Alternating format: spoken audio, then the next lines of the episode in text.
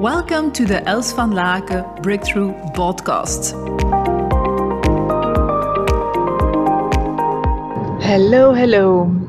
Well, normally I always give many, many tips, and probably during this podcast today, I will also give tips, but I just really wanted to give you one of my own main insights that I got in the last couple of weeks of a course of a of a webinar we did ourselves.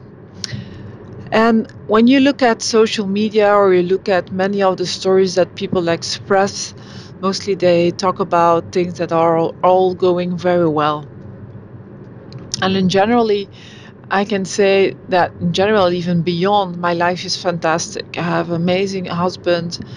Um, I'm not saying that we always have everything like in a fairy tale. Of course not. We have discussions, we have things where we are not agreeing, but we have very good foundation, lots of freedom that we give one another, lots of love, and uh, that's, yeah, it's already working for. We are now married for 12 years and we are 15 years or 16 years, no, even more, 17 years together so that's a good foundation. I have two amazing children. I have an amazing business. I have amazing coaches um, that uh, I have in my team. I have an amazing back office team. Everything is quite well. So then you can say, oh no, she's going to tell a great story again. Yeah, it, this is all great. And still, still physically, I'm a mess. I feel emotionally good. I feel um, mentally good. I feel, uh, well, let's say I'll, I'll talk about the mentally part uh, also. I feel mentally good many times and also sometimes not. I feel spiritually really good and sometimes not. And uh, and so in generally I feel quite okay. Um, and still physically things are not working as I'm used to being a woman that is always going, always on fire, always sh- shifting reality of myself, of my clients, of bringing things forward, of thinking, doing diff- things differently than society does, creating our dreams, believing in what's more, and so on. And so that means that I always had my physical, my body always working, going the extra mile, not having any difficulties with it, or at least I thought it was not having any difficulties with it.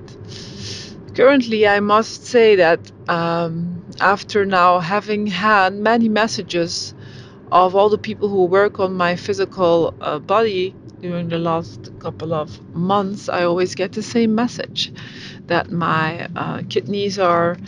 Um, are tired and that that that's why for example i keep having this tiredness inside of my body and that it doesn't get out of my body.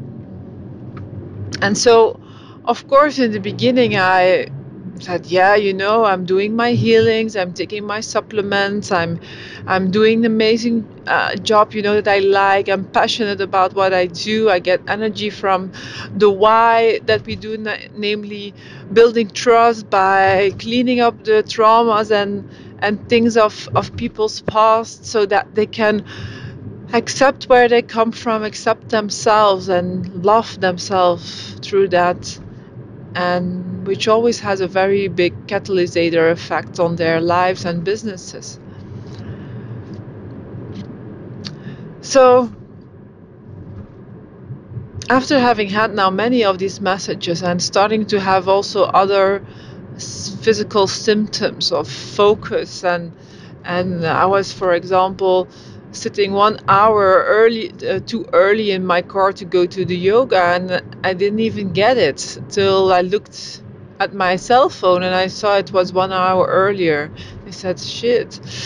So I realized something very important that um, my physical health has been contaminated or has been um, emptied by my mental patterns. And of course, for many of you that's not so new. It wasn't new for me neither but i didn't realize it that it was taking so much energy.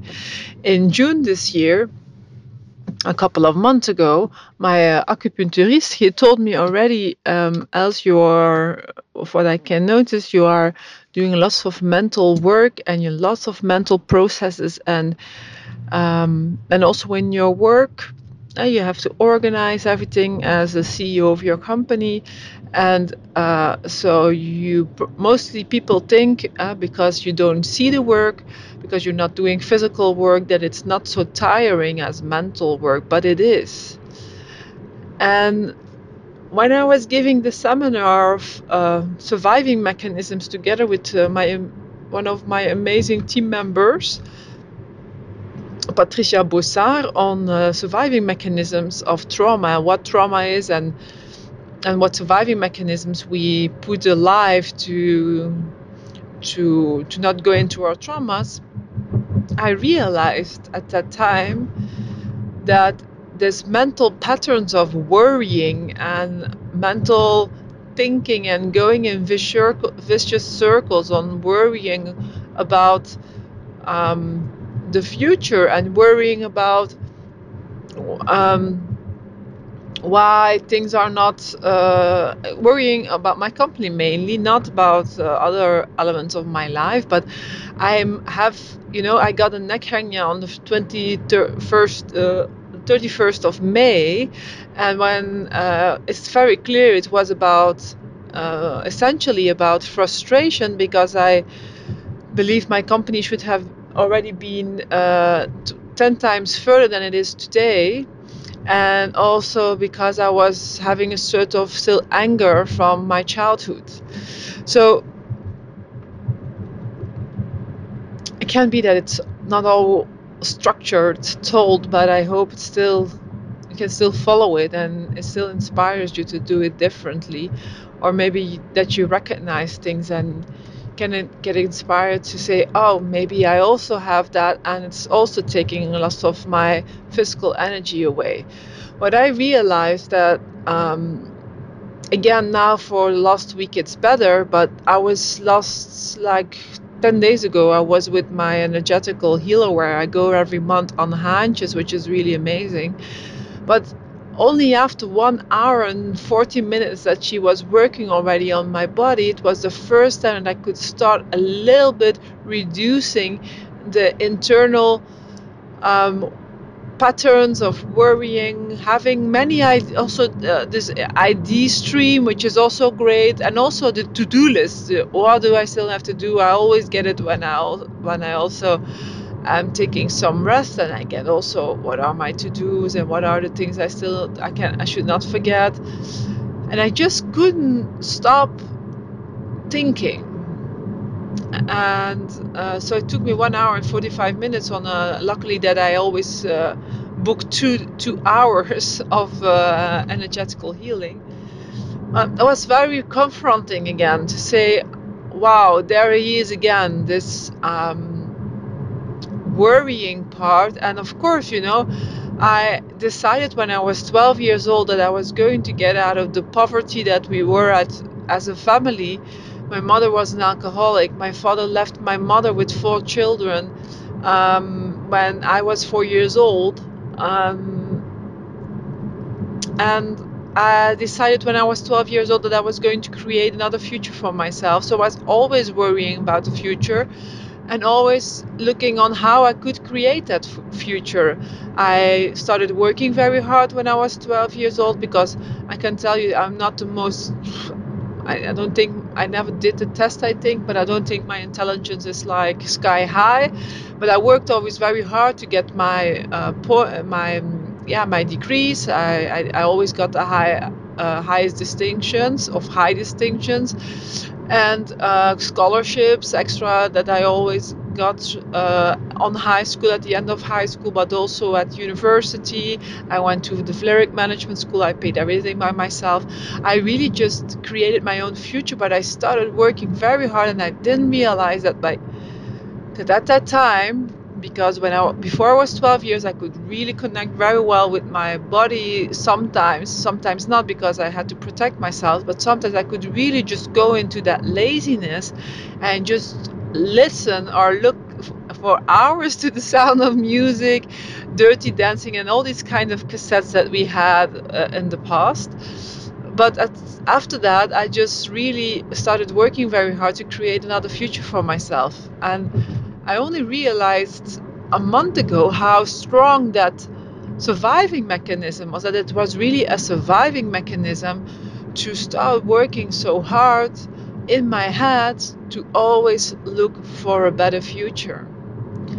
And that's why I also got my neck hernia because I indeed was again uh, looking for how can I create a faster, a better future for my company because it's not that my my company is working very well you know it's it's really okay it's really good. But and on the other side i yeah we we all feel it all together that we can serve so many more people uh, to trust in themselves to trust in life to trust in their relationships. So already like for i don't know 20 years i see very very big groups in front of me no it's yeah really big groups like a whole room full of people uh, so which means now I know it's like probably four or five hundred people in, in front of me. And that's not what's happening currently. Yeah, of course, virtually it is, but it's not in, in physical form. And, and so that's why I then sometimes got frustrated about all these images that I already get for a long time since the moment that I got connected with Mother Earth and, and with universe that I always get many of these messages and and that reality being different. And that's that that was just frustrating me and i didn't realize that because i was so focused on that future and creating that that i was also through this mental process exhausting myself and it's maybe good just to think about it and to realize and to reflect on how can i sometimes really just uh, stop my mental process. You know, I was going to the yoga today. I was talking to Patricia, and Patricia said, You're going now to the yoga and you're talking to me about the company while you are going to a place to relax. And I was like, Okay, yeah, you're right. It's like a, I, it's, it's like a constant stream, and it's not that it's like, it's not that it's like always bad or something, you know. I also get lots of ideas and that inspires me. But indeed, I'm always with my feet into the future. Um, so that's this, that's the second part next to like this worrying pattern within my system of always worrying about the future and then creating solutions and ideas is that um, I'm with my feet in the future. So, which means in my filtering system, I'm my whole um, development, and it's already a lot better than before, but my whole development still is to be even more in the here and now because that's where it's happening. And so, um, maybe it's another like another else you're listening to, and that's okay because I I was doubting should I share something about my personal process on what's happening behind the scene. And I know lots of you are tired, you know, I can start crying now because whole situation of COVID, I didn't realize it, but it put me back into this sometimes in these mental processes and it tired me out.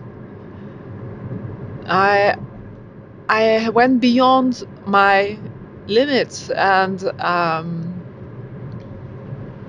and it's been an exhausting journey and we are still not out of it. And i think also i got uh, corona a couple of weeks ago. Uh, it all came a lot closer than i had ever expected because i i was like doing sports for five times a week. I was eating very healthy. So in my i was not inviting the illness or the virus within my system. But yeah I was already like three, four weeks into kind of um, how do you call that? Uh, like a little flu, and then and then I got it because someone close to me got it. And it's not about that virus, uh, but it's about the whole, yeah, changes we had to go through, and uh, the holy shit or the collective shit we had to digest together, and more. So, yeah you know, I think lots of entrepreneurs who have a good established company and um, yeah, if you we just everyone has his issues, you know, everyone has his points of development. And I was coaching people a lot of days. I enjoyed it. I helped them big time and gives a lot, lot, lot, lot of deep insights for people and cleaning up and so it's not that that having this physical situation right now that I notice that I went beyond my boundaries for too long time that I cannot do my job uh, because I love my job. I get lots of energy of of it. So if it would be taken away from me, then I wouldn't probably be the most happy person. But the thing is that for the next coming time, I'll need to even be more conscious about my mental processes, about my lag being all the time in the future to be more in the here and now, and in essence, to balance the masculine and the feminine energy even more. And in that sense, also, what I've learned is in my own personal coachings is to also lean back more into the masculine energy. And what do I mean with that? Um, and I'll talk about it more in the next podcast. Um, well, I will not talk about it in this podcast. I'll just say for for the people who know lots of masculine energy are doing energy uh, and notice that they have difficulties leaning back, listen to the next podcast. Talk to you soon. Thanks for your presence. Check out more inspiration on elsvanlaken.com and let's spread the positive energy together by sharing this podcast with your friends, family, and business partners. Do you want to contact us personally? That's possible. Just send us a mail on hello at elsvanlaken.com and we answer all mails personally. Talk to you soon.